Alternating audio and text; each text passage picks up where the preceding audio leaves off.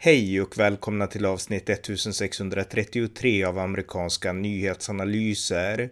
En konservativ podcast med mig, Ronny Berggren, som ni gärna får stödja på swishnummer 070-30 28 95 0.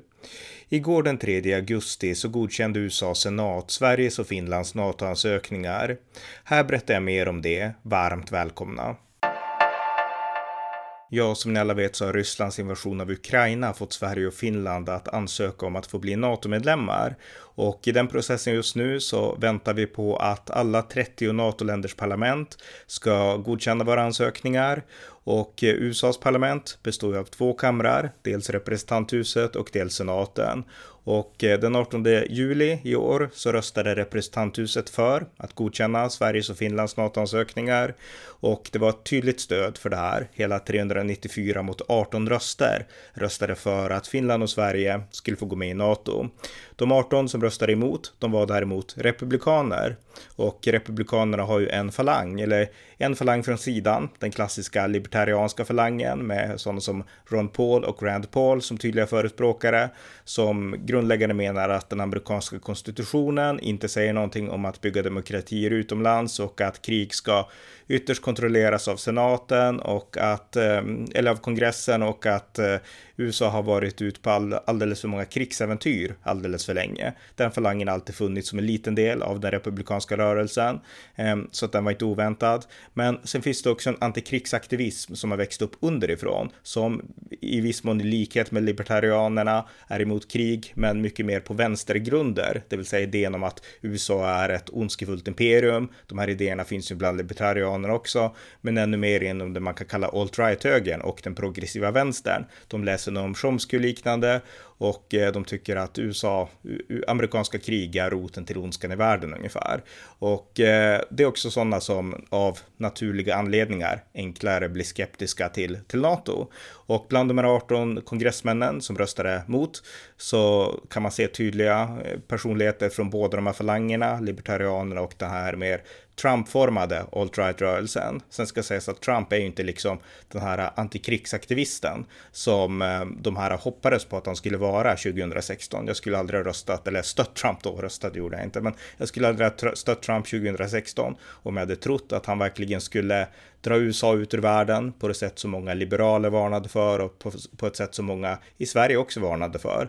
Ehm, det gjorde ju inte Trump, ehm, men det fanns ändå många som röstade på honom av den anledningen och eh, många av dem var också emot då Sveriges och Finlands inträde i NATO i representanthuset. Men det spelade ingen roll där, utan jag ville bara notera att de var republikaner. Representanthuset röstade alltså överväldigande för att Sverige och Finland skulle få gå med i NATO.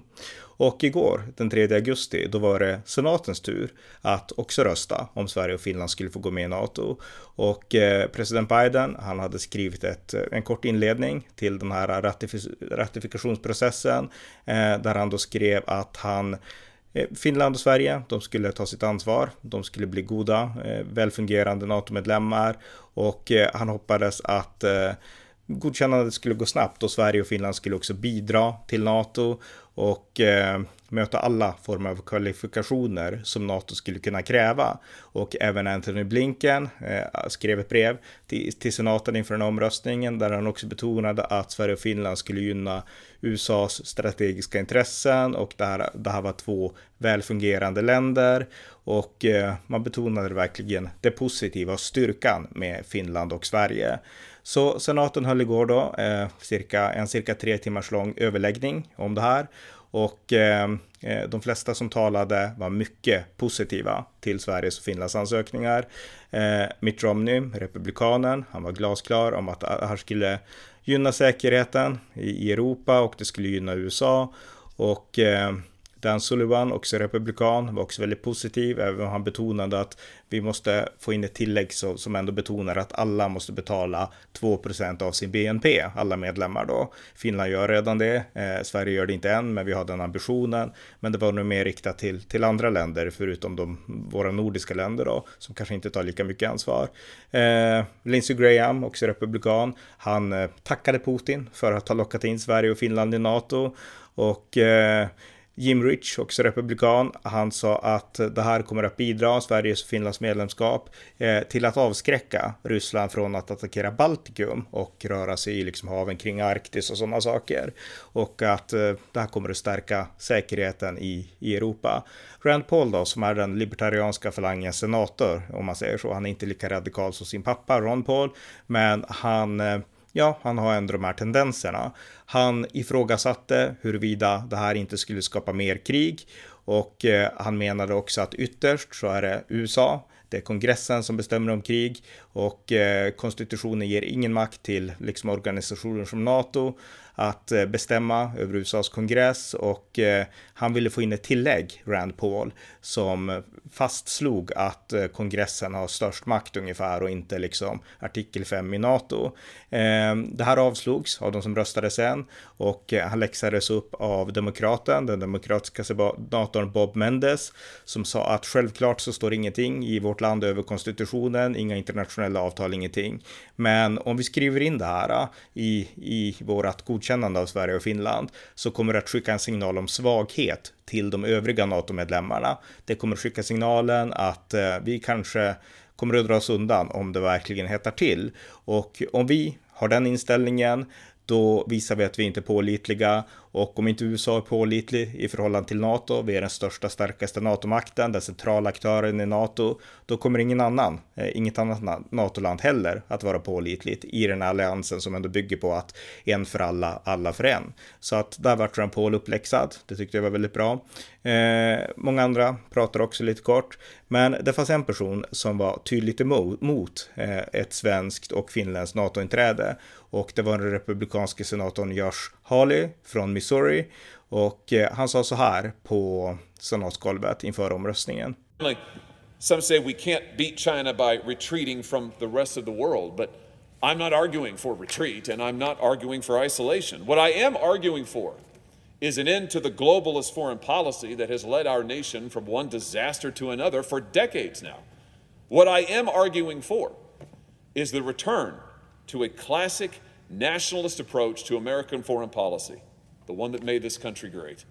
A foreign policy that is grounded in our nation's interests and in the reality of the world as it is, not as we wish it was or not as we once it, hoped it would be. In years past, NATO was a bulwark against an imperial Soviet Union. Today, the world's greatest imperial threat is in Asia, and the hour to address that threat is growing very late. We owe the American people this truth. We owe them a clear accounting of the facts, and we owe them the courage to make tough choices. Today, I submit that means voting against expanding NATO and focusing where we must to do what we must to deter an imperial China. This isn't an easy vote, to be sure, but it is the right one for our security, for our prosperity, for our people. For our nation. Så det var Josh Hawley som alltså ansåg att eh, det stora hotet för USA ligger i Kina. Jag delar den synen att det hotet ligger i Kina, men eh, han menade då att det här måste innebära att vi istället för att expandera NATO borde vi satsa i Asien. Och jag tycker att det är konstigt när man på något sätt försöker få det till att, eh, att de sakerna skulle vara motstridiga. Och eh, den svenska EU-parlamentarikern Charlie Weimers för Sverigedemokraterna, han svarade eh, Josh Hawley på Twitter och skrev att eh, USA och Europa måste stå enat och eh, Eh, mitt land Sverige håller äntligen på att stärka sitt försvar och eh, NATO-medlemskap kommer att, stöka kommer att öka alliansens styrka hur kan du inte se att det här också ökar de strategiska intressena i eh, ja, Indokina, eh, i, i Stilla havet där, eh, skrev Charlie Weimers då till Josh Harley. Han fick inget svar, eller har inte fått en av Josh Harley, vi får se om han svarar.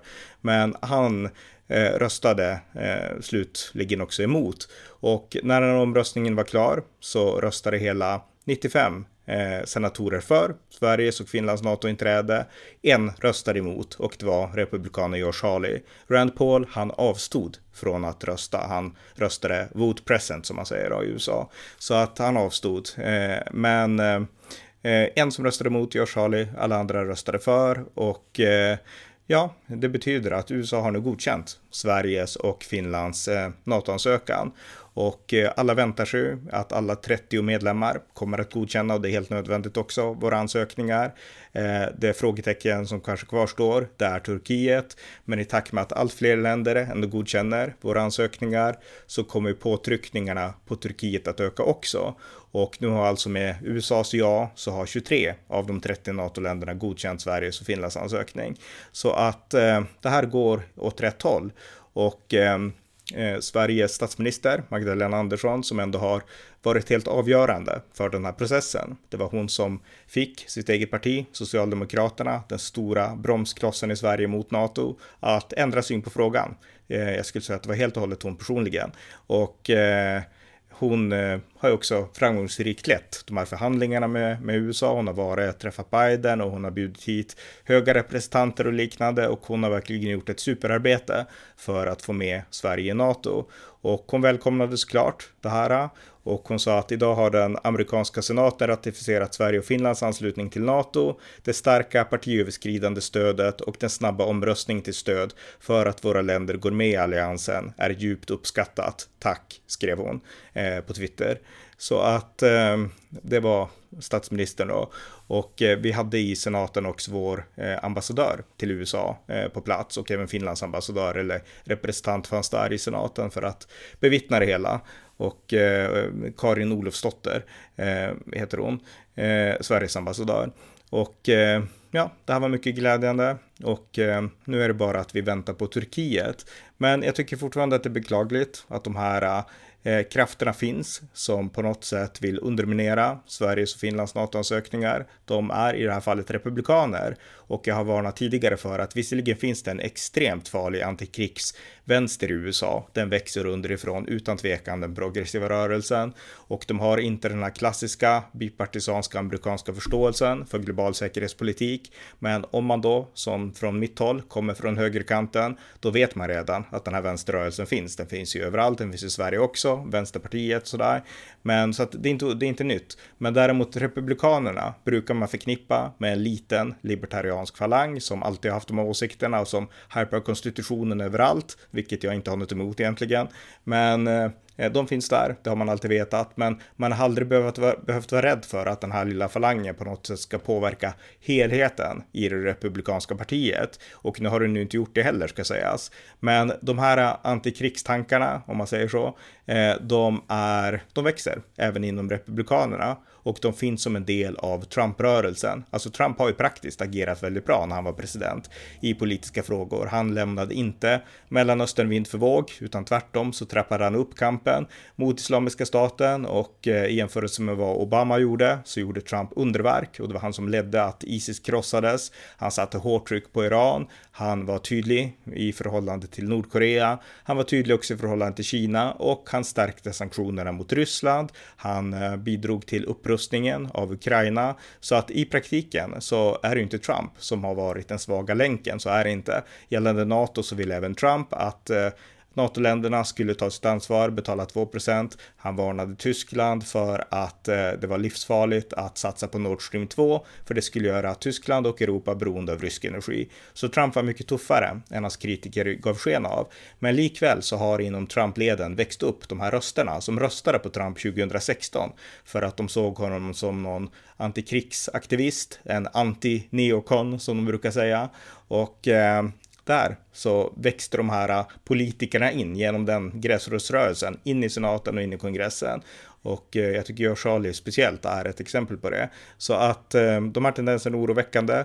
De finns även i, i Europa, eh, i Sverige också i viss mån på högersidan, röster som kräver isolationism och militär isolationism och liknande. Och de tar inte det här heltäckande säkerhetspolitiska ansvaret. De kan ofta ha ty ta tydlig ton mot VOK-ideologin och mot vänstern och kulturmarxism och liknande.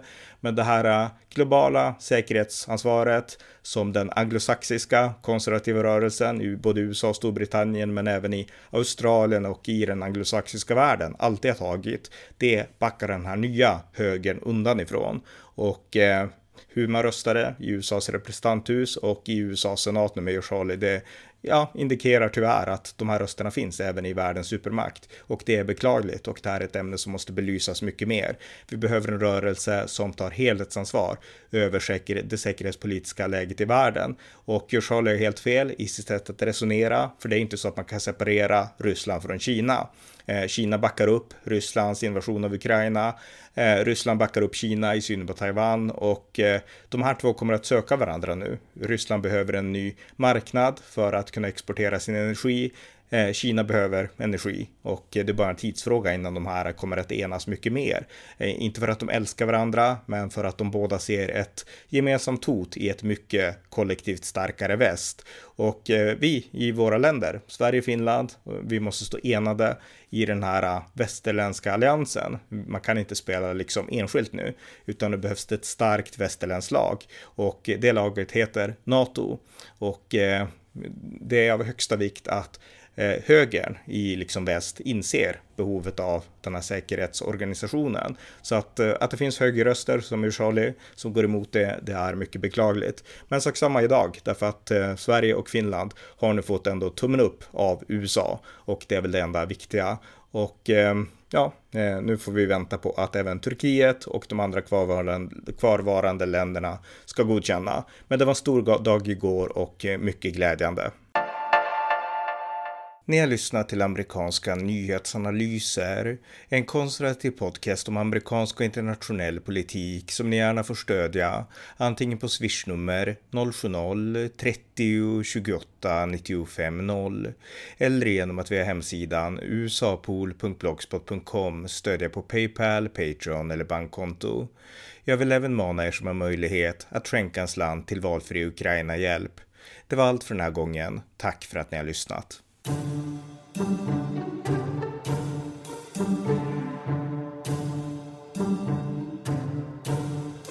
you.